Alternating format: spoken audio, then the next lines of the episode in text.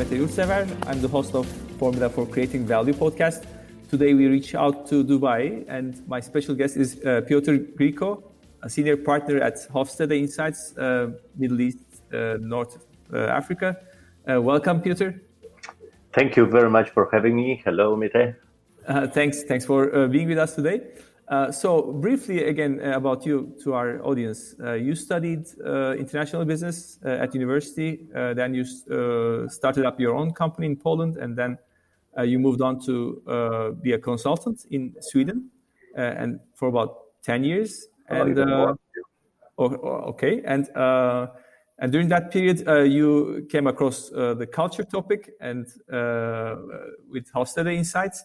And uh, since then, uh, you're an expert uh, on organizational culture and uh, transition management. Uh, so, is there anything uh, missing? I think that this is a pretty precise description of my path and the rough way into culture through different culture shocks that I experienced myself uh, All right. Well, Sweden shouldn't have been uh, such a big shock, I would say. Oh, for a for a Pole, yes, it is. Definitely, it is. It's a country that is located very uh, close by, but mm-hmm. culturally, it's a totally different continent. I'd say. I see. I see. All right. So, where to start? I mean, uh, what is culture? And let's let's start from there. Yeah, um, culture is a super interesting topic because uh, when you think culture, when you say culture, you think, hmm, something fluffy, something so intangible, something not really having a form that is uh, that that you can touch, right? Mm-hmm. Well, uh, the interesting thing is that culture is very tangible culture is money. Culture is something that you can measure. Culture is something that you can plan and implement, if you like, provided that you've got the right tools. And uh, this is why uh, years back, decades back, I got uh, very much interested uh, in the approach that uh, Geert Hofstede uh, mm-hmm. used to have. He being a, an engineer by education, mm-hmm. uh, took up culture uh, totally differently than um, uh, people that, I mean, scholars uh, that uh, uh, primarily worked with soft topics, or if you like, mm-hmm. sociology, anthropology, etc. Mm-hmm. Being an engineer, he came into the topic uh, through the and looked uh, looked at that through the lenses of how it is possible to compare different mm-hmm. nations. Mm-hmm. Uh, and during his uh, studies, he managed to uh, develop a very robust methodology, allowing to measure and, and compare. And that methodology, over the years, uh, uh, has been uh, being utilized by lots of scholars worldwide to validate the scores and the, the results and apply them to quite a lot of countries covering uh, the bigger portion of, uh, of the globe. So, mm-hmm. culture in general uh, is being defined as, uh, well, uh, mental programming of a human mind, members of one group, mm-hmm. Uh, and that mental programming would differ totally from mental programming of another group. Mm-hmm. And a group normally would be considered as a nation mm-hmm. uh, which means that uh, this would define for us basically what is good, what is bad, what is uh, nice, what is ugly, uh, mm-hmm. what our value system is. Exactly. Mm-hmm. And uh, the values normally would be considered as the broad preferences of one state of events over another state of events. That uh, contradiction is pretty important. But another important moment when talking about values is that there are a lot that there is a loading of emotions there. Mm-hmm. So it's the the differences with the emotions, and uh, this is why uh, national culture, as we would call it, uh, would describe how we feel about things, uh, mm-hmm. what our emotions are about uh, different behaviors, uh, different practices, etc., etc. Mm-hmm. Mm-hmm. It doesn't necessarily have to directly uh, translate into our behaviors. Mm-hmm. Because uh, from the practical perspective, from the practice perspective, we as human beings are very flexible. Mm-hmm. We can behave in many different ways. Mm-hmm. But uh, the question is how sustainable that behavior would be. Will we mm-hmm. be able to continue behaving in that way uh, um, for a long time if mm-hmm. we have negative feelings about that? And those mm-hmm. feelings are being uh, defined by how we are, uh, how we have been brought up, how we were shaped through our experiences, our family, school, religion, all the different experiences that we gather uh, in the early years of uh, of uh, our lives into uh, into the um, into the future. So national culture is very much mm-hmm. about emotions, how we feel, mm-hmm. uh, valuations, if you like. Mm-hmm. Uh, but there is also another term that is super important, mm-hmm. describing how we operate, mm-hmm. and this is much more organization culture, because mm-hmm. organization culture describes organizational practices an American popular American definition there would be this is the way we do things over here, right? Mm-hmm. Uh, our practices here. Mm-hmm. Uh, and the difference between one and the other is that uh, national culture would tell me, as a Pole, Swede, or uh, any other uh, member of any other nation, uh, how I feel about the practices that I'm seeing in an organization. Do I like them? do I feel attached to them? Do I feel aligned, etc., etc. Uh, but I take a decision whether uh, if I should uh, behave like that or not. If I mm-hmm. take a decision, then I would uh, become a member of that organization. Positive decision. I will mm-hmm. become a member of that organization and, and uh, stay there as mm-hmm. long as my emotions are not too high. This, uh, if you take it to a level of uh, systems, I'd say uh, national culture provides us the guidance for organizational culture. Mm-hmm. And organizational culture is about how organizations operate, basically. Mm-hmm. Uh, the difference also is that national culture would be very stable. The Hofstede research that was mm-hmm. performed mm-hmm. 50 years ago is mm-hmm. being validated and repeated pretty regularly.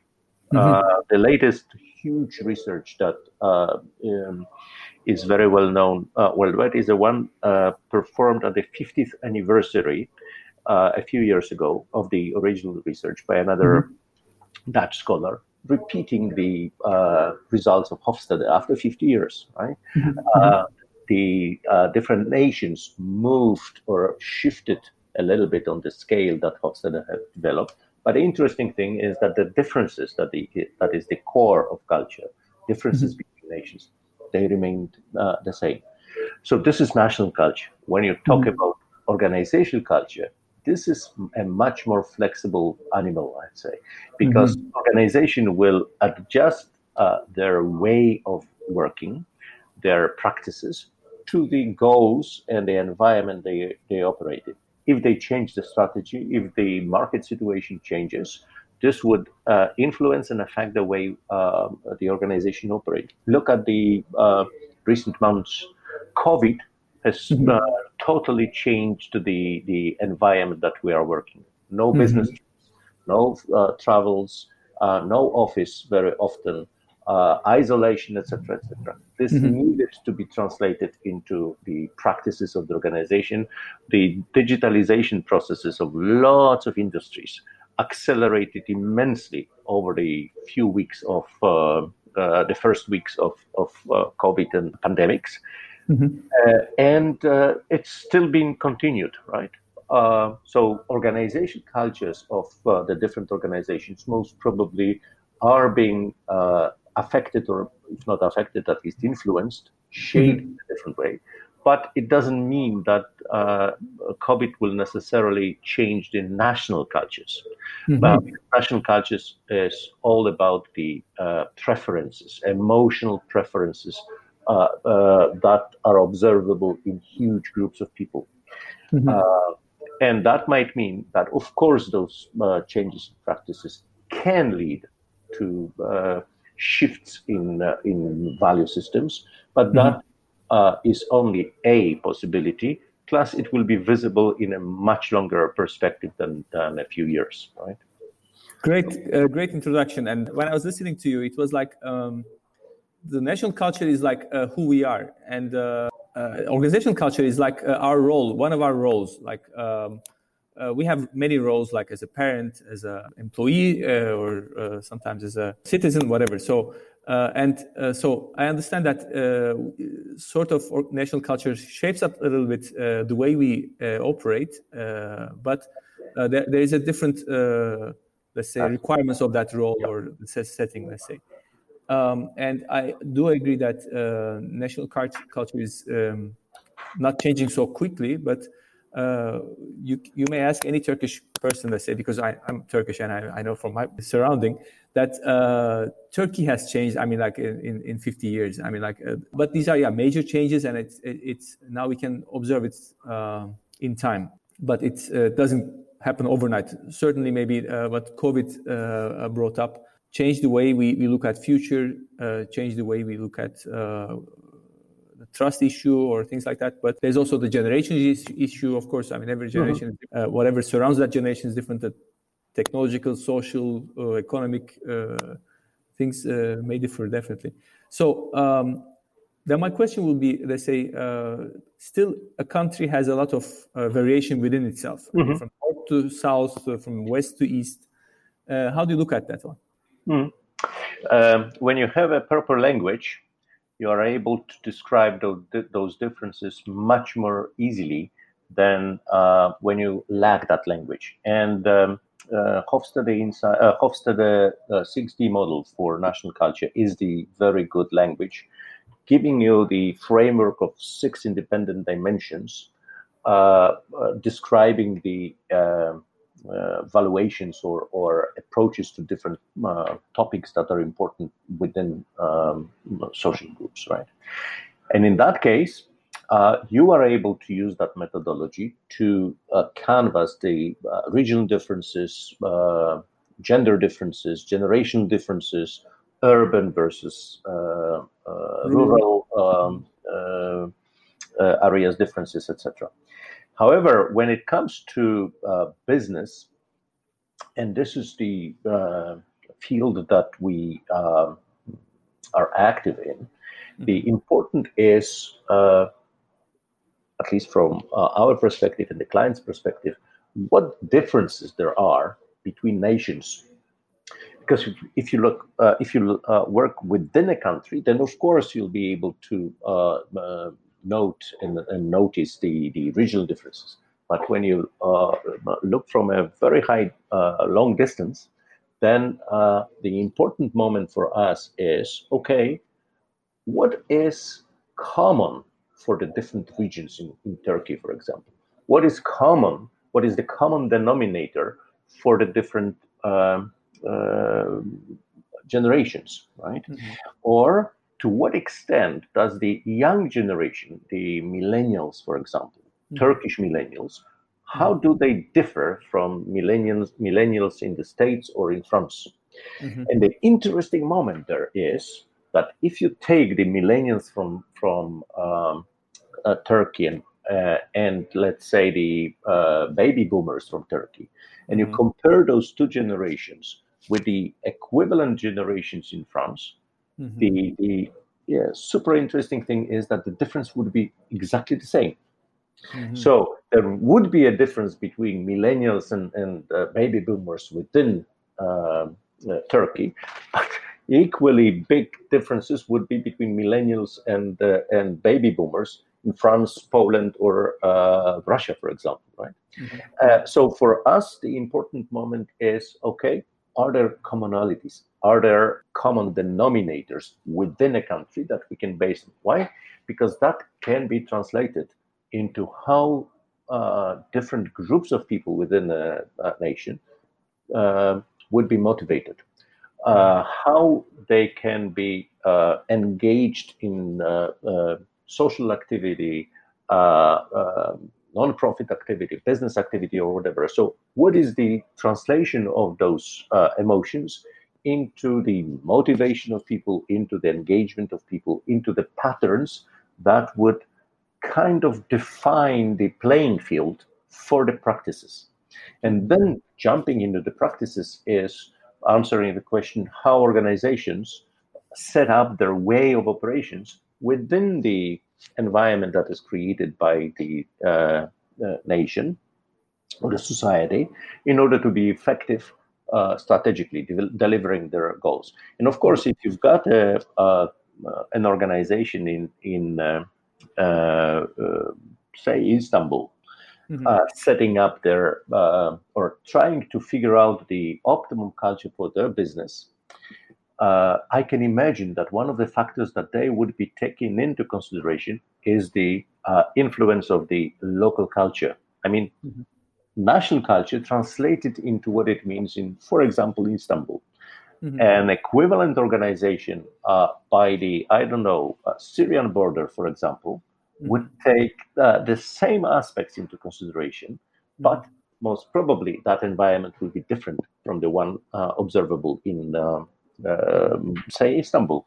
And that would mean that most probably the decisions concerning how the organization should be operated would be different in, uh, different in to, uh, those two um, uh, locations, mm-hmm. leading to a very simple conclusion. Simple, uh, but it's easier said than done. Uh, simple meaning uh, you really need to be able to visualize and describe the environment that you operate in and translate that description into how your intentions should be materialized in the uh, way you set up your business, set up the, the operational uh, practices uh, for your business, uh, like how the decisions are being made, uh, whom we recruit and how we recruit people, uh, how the how we reward people, for example, mm-hmm. how we run meetings, how we mm-hmm.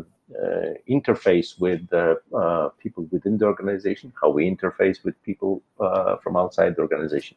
Very mm-hmm. tangible um, solutions mm-hmm. that would that any manager, any any leader in the organization has on the on the plate to um, take a position on, because that translates into what's most essential for any type of organization: how you create value how you deliver the value to your uh, stakeholders, whoever the stakeholders would be. Mm-hmm, mm-hmm. Another uh, difficult question, uh, actually, I have sort of the rules of the way of uh, doing uh, business is defined by uh, by the West, and um, let's say that you have to question everything. You have to, I mean, you shouldn't accept assumptions. You have to question them all the time and things like that. So in the Hofstede, let's say, dimensions, there is this uh, power distance thing, uh, and uh, which means uh, in East, uh, hierarchy is very important. You don't really uh, raise up and question the boss, whatever. And and this is a mismatch between, let's say, Eastern and Western.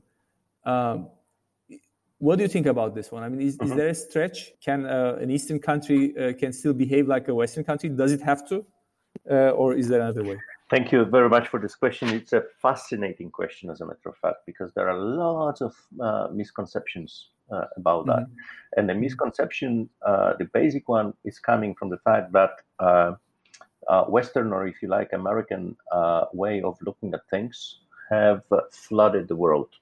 It flooded mm-hmm. the world by at least two channels. One is following the money. Mm-hmm. Um, and uh, if this is my capital, I decide uh, how the business that I finance are supposed to be um, run. Full stop. Right.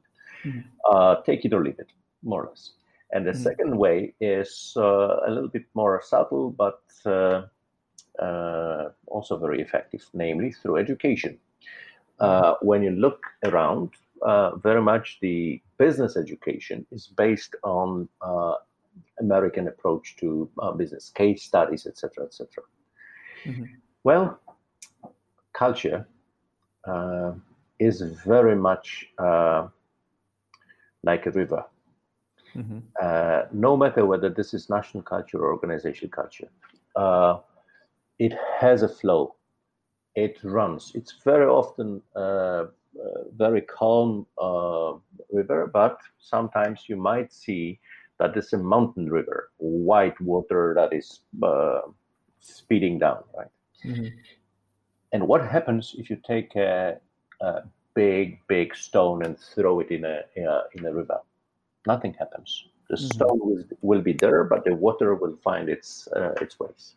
And this is what happens very often with uh, uh, the cultural mismatch between the mm-hmm. practices that are being introduced and the uh, norms, standards, uh, beliefs, uh, and preferences, emotional preferences that are prevailing in a given culture. You can observe that very well when you have a global company operating everywhere, uh, having one brand name, uh, having all the procedures, etc., common to uh, all the country organizations, right? You go to the let's say united states where the headquarters is located you see a picture of the organization you observe the practices and you've got that um, uh, visualization in front of you in, in front of your eyes what it is uh, what organization culture there is in that organization. The interesting thing starts to happen when you leave to another country to turkey to china to russia suddenly you're in the same environment, hmm, but they work slightly differently because the same words mean something else in those countries. And they find their ways to kind of accept the fact that there are different uh, expectations. Their working practices would adapt a little bit, but that wouldn't mean that uh, their value systems would be adapted. No way.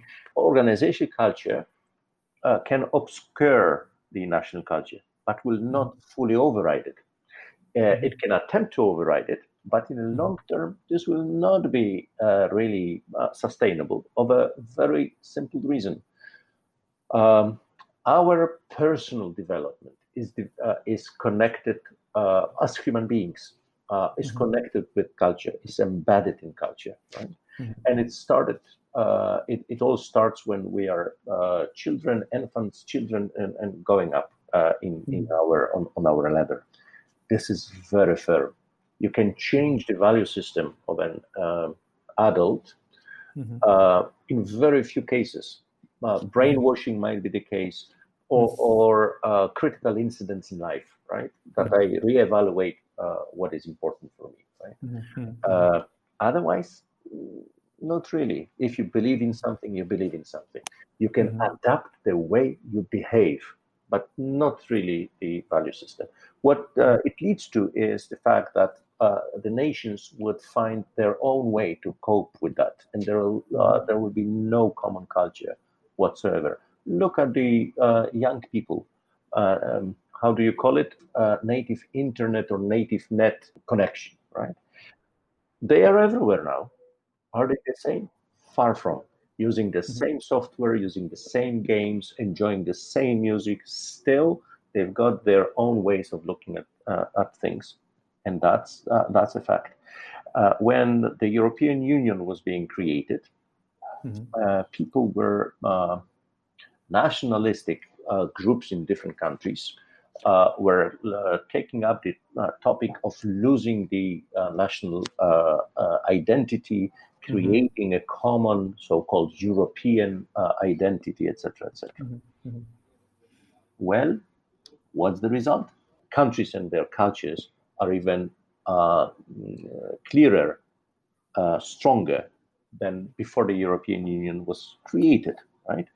Collaborating, having ways or having developed ways to communicate efficiently, to come to conclusions, to come to decisions but uh, remaining their identity. And I think that the efficient way uh, to deal with the uh, dilemma that uh, that you take up is to find uh, your own way of approaching the, the topics, choosing the inspiration from wherever the inspiration comes and, and uh, whichever inspiration is deemed to be valuable.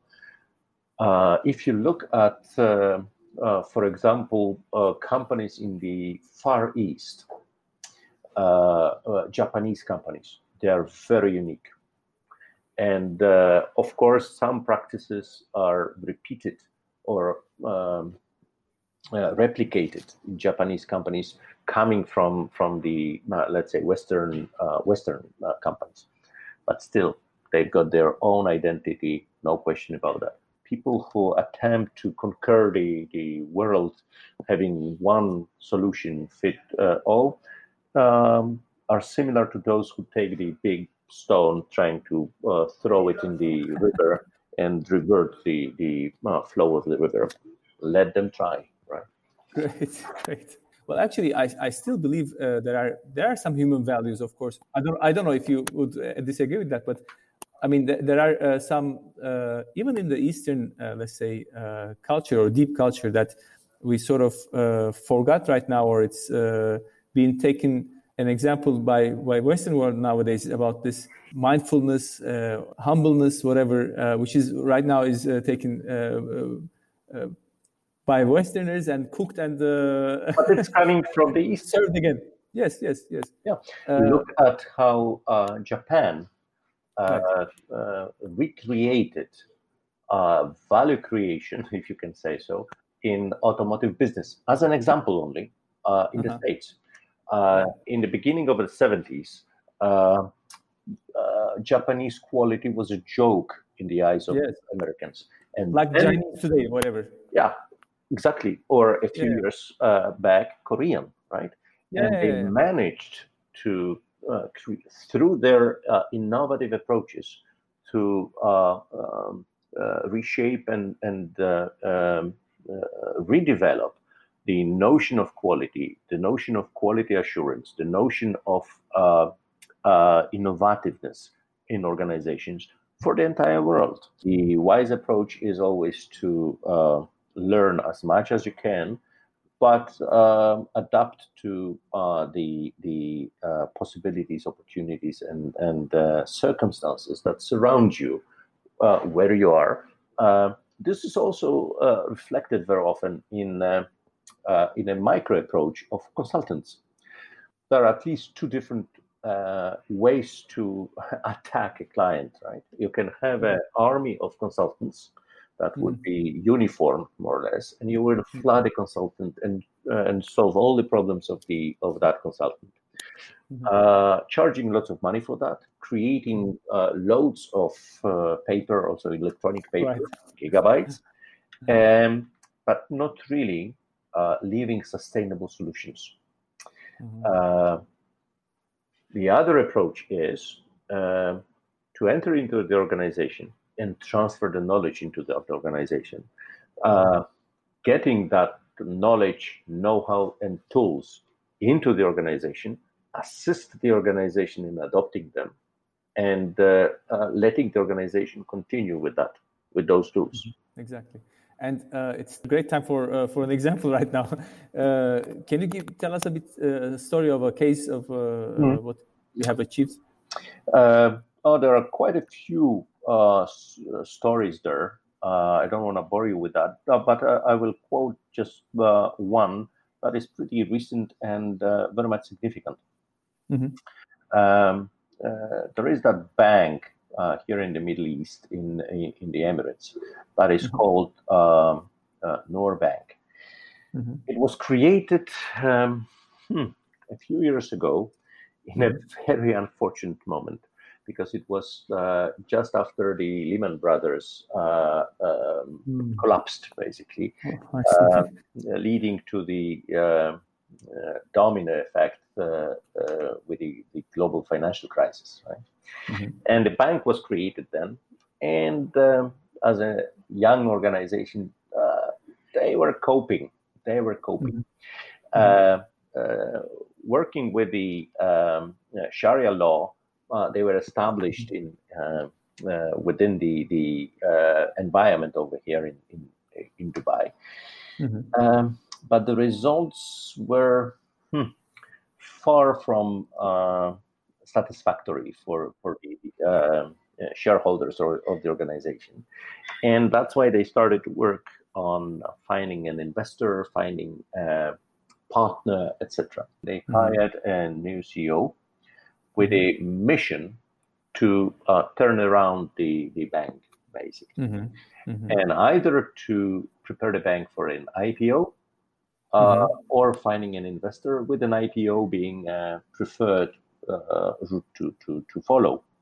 Mm-hmm. The CEO, uh, Australian with the Greek roots, uh, John Iossifidis, um, mm-hmm. Uh, became the CEO, and mm-hmm. uh, his idea was that well, the bank was, even though it was young, it was obsolete. Mm-hmm. Mm-hmm. too traditional, not really focused on the on the market, so on the on the needs of the market. So mm-hmm. we thought, okay, there is that three-year strategy mm-hmm. that uh, we developed at the bank, but mm-hmm. in order for that strategy to succeed, we need to turn around, totally turn around the culture of the bank and make it, as he would say, a technological company with a banking license instead. Mm, uh, and uh, uh, he hired, uh, he thought that the best way to do that is to do that by themselves. Mm-hmm. Uh, so he consolidated the executive team, changed people that had uh, different uh, view, uh, vision, mm-hmm. and consolidated the executive team, consolidated the leader leaders of the organization, and hired just one consultant, the Hofstede Insights, for mm-hmm. changing the the transforming, helping them to transform the, the culture. Mm-hmm. we helped them to create a group that was called Culture Squad coming mm-hmm. from the entire uh, sphere or uh, mm-hmm. ecosystem of the of the bank. People who would mm-hmm. be uh, culture ambassadors, change agents, culture squad, mm-hmm. uh, trained them and certify them in uh, the the uh, multi-focus model that is the methodology for for analyzing and transforming organization culture and help mm-hmm. them structure the transformation process. Within uh, nine months of the process, they hmm. managed to uh, uh, hit the the uh, top uh, numbers of all the possible uh, market comparisons. Hmm. had the highest among all the banks in the GCC region, right? Mm-hmm. the the highest in, increase of the total assets. the next bank uh, ha- having the second place on the list was half that uh, faster uh, than them. And the same uh, referred to the uh, net profits of, of the bank and the, the, the profit rate, in other words. Uh, the bank was named as the uh, transformation of the year, and uh, John became the transformation leader of the year. That continued over to 2019. And the interesting thing is that in uh, 2019, uh, they decided to withdraw from the process of uh, creating an IPO because an investor mm. came to them and said, mm-hmm. mm, "We don't want you uh, to be floating on the, the uh, stock exchange. Uh, we'll take over 100% of the of the bank." and they created the largest uh, Sharia-based bank uh, here in the Middle East. This was, yeah, the application of the organizational culture, but very often you would have the application of both uh, uh organizational culture and national culture. Mm-hmm. For example, uh, we are working on a on a huge merger between a um, leading um, uh, chemical oil company from the from Saudi Arabia from the Kingdom mm-hmm. of Saudi Arabia with the, their uh, partner in um, uh, Malaysia, also a mm-hmm. company there, where you've got a combination of uh, national cultures and the clash of uh, value systems there uh, that needs to be translated into how the uh, joint venture placed in the Malaysian market between those two giants is supposed mm-hmm. to efficiently being run. So all the possible angles of approach of utilizing culture in a tangible way is is, uh, is there. Mm-hmm. So it's uh, amazing story about Noor Bank and uh, the same people, same building, and uh, such a, a, a, big transformation. My question is, um, how from where they got this uh, motivation? Is it uh, the, the, the drive? Can it be, uh, let's say, taken leveraged from the culture within itself? I mean, what uh, drove them? I mean, uh, what was the main success factor of this change? And that is that is uh, a super interesting uh, uh, phenomenon because uh, as you know, uh, Middle East is very. You mentioned power distance. Middle East mm-hmm. is a, uh, is a region where you've got, on average, uh, much higher power distance than uh, in many uh, parties parts of the world. Mm-hmm. and in Noor Bank's case, the mm-hmm. um, root of the success was mm-hmm. the fact that it was the leader of the organization that had a very clear picture of how the business should be being developed, what the strategy of the business is, and that strategy being anchored uh, at the board level, but also mm-hmm. at the executive team level in, in, in, the organization. That was the leader who uh, was the main character behind uh, the transformation. And that was the leader who was uh, interested in uh, leveraging culture that is so soft uh, mm-hmm. into uh, Uh, uh, let's say shaping the organization in a way allowing them to accelerate the uh, not only the transformation but the adop- adoption of the new strategy that was pretty revolutionary without mm-hmm. without his insight that culture is either the, the blocking factor or the, uh, the lever for strategic success. Without mm-hmm. that, translated into his resilience and, and uh, his strength in spreading the uh, vision around, uh, mm-hmm. nothing would, uh, would uh, happen in that organization. not in such a short period of time, as a matter of fact the vision is not a sufficient uh, it's a necessary element but it's not a yes. sufficient element to succeed uh, apart from the vision you need also to have the uh, influencing possibilities and then mm-hmm. also the interest and ability to uh, attack the organization on many different layers and levels mm-hmm. Uh, in mm-hmm. a coordinated way you need to have a mm-hmm. picture of where you're uh, where you want to go uh, mm-hmm. with those intangible aspects that uh, culture is uh, perceived with. And, uh, and if that is translated into something tangible, and then you've got the solution for the uh, multi layer approach, uh, have the right people on board and get the mm-hmm. right people on board.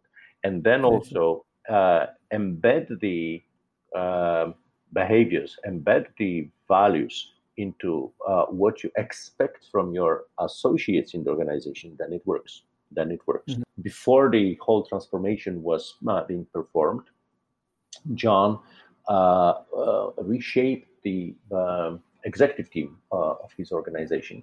Uh, he got people who were very different among themselves, but mm-hmm. that really did have that picture of the possible future for the organization, and we're not afraid of of going there, having all the responsibilities in their hands, not mm-hmm. delegating that to any consultants, uh, strategic consultants or mm-hmm. whatsoever, just using the uh, consultants like uh, us with our concepts, with our tools, with our visions in their process. They were having the steering wheel wheel uh, in their hands uh, mm-hmm. using the engine uh, and the oil that we provided uh, with the uh, vehicle that moved that uh, organization forward.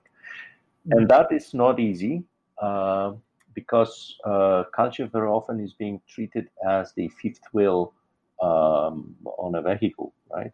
Mm-hmm. Something that is being pushed over to the specialized units, HR or organizational development or something like that whilst this is a very strategic tool, and uh, as you don't delegate uh, managing your balance sheet, uh, you don't delegate uh, such strategic items as as, uh, as culture. You need to hold it in, in your hands. Mm-hmm. And one last question about uh, this one. so when you say about when you took this culture team and then you trained them or you you, you fueled them, let's say, what is? can you give an example of uh, is it uh, about some soft skills or no uh, some behaviors the soft skills were there so they normally would have the the influencing um, capabilities within their uh, place of uh, of uh, within their location and hierarchy. There are people from the bottom of the organization, specialists, but there are also executives there. Mm-hmm. And what they were trained in was the language Uh, and the language is the multi-focus model uh, uh, for culture and for transforming culture. So um, it was about uh, providing them with the ability to visualize, analyze, and shape culture and the process uh, that would enable them to do that uh, efficiently, uh, mm-hmm. Uh, energy-wise and time-wise. So this mm-hmm. was the um, uh, training per se. But apart from the mm-hmm. training, there were uh, there was also a mentoring process on two levels involved. Mm-hmm for the culture squad, but also for the mm-hmm. executive team, so that the direction is soundly shaped, but also the implementation is, is uh, uh, safe. Uh, and they did it and that can be mm-hmm. safely said.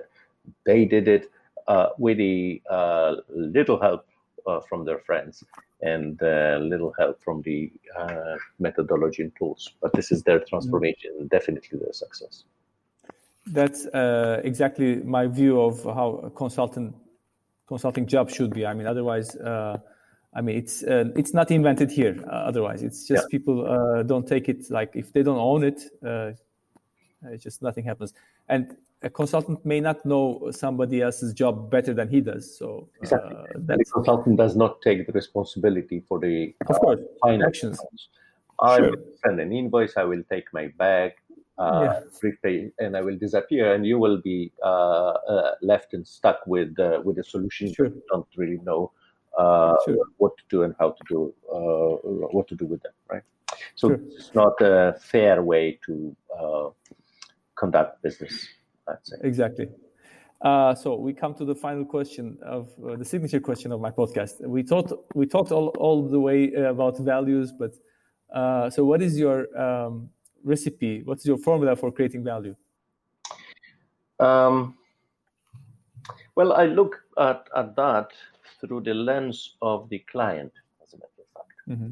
And uh, for me, it is uh, there are a few moments that will be essential. The first moment uh, is to really know what your success is supposed to be.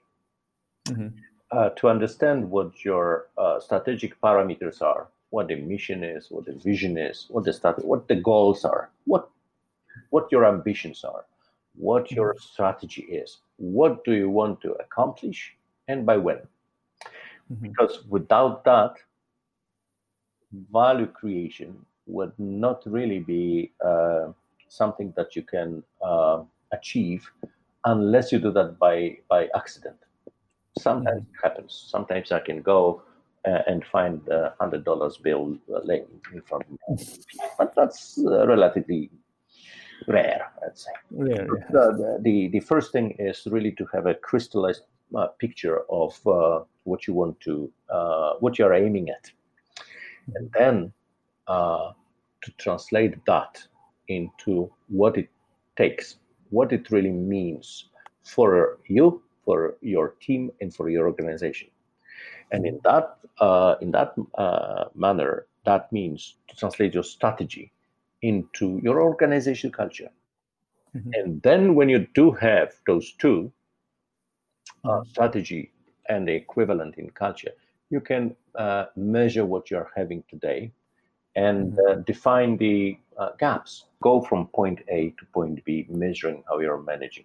And this is mm-hmm. why I really uh, love uh, Hofstede Insights multi-focus model for organization culture mm-hmm. because it gives you that possibility without uh, much ado, without uh, talking about things that are somewhere out there in the skies uh, you mm-hmm. are having uh, parameters describing your goals and your path.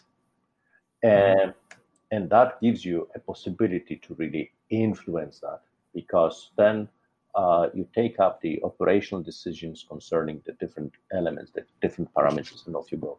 Uh, mm-hmm. uh, and all that refers to a very subtle uh, substance of uh, mm-hmm. people how they relate uh, to each other, how they relate to their work, how they relate to the uh, external world, which mm-hmm. is a universe in itself. I mean, this is a super complex uh, uh area mm-hmm. and the ability to, if not control, to manage that mm-hmm. gives you really the uh, influence upon how value can be created and how value can be increased. Uh, mm-hmm. Uh, and and that's why um, I, I, like that much uh, this approach, uh, mm-hmm. and been doing that for quite a few years now. Great. Well, uh, Piotr, thank you very much. It's been a very eye-opening and very, uh, let's say, uh, inspiring uh, talk. And um, how people can uh, reach out to you through LinkedIn, and you have webinars, right? Definitely, webinars, LinkedIn. Uh, you can look up Hofstede Insights MENA through the web page as well. In one go, hofstedeinsightsmena.com. I'll, I'll give I'll give the links in the notes. Yes, definitely. And I do hope that. Um, uh, will be able to uh, meet uh, in the future more than once. Thank you very much indeed for having me today. It's been a definite pleasure. Thank you. It's my pleasure. Thank you very much, Peter. Thank, Thank you very much.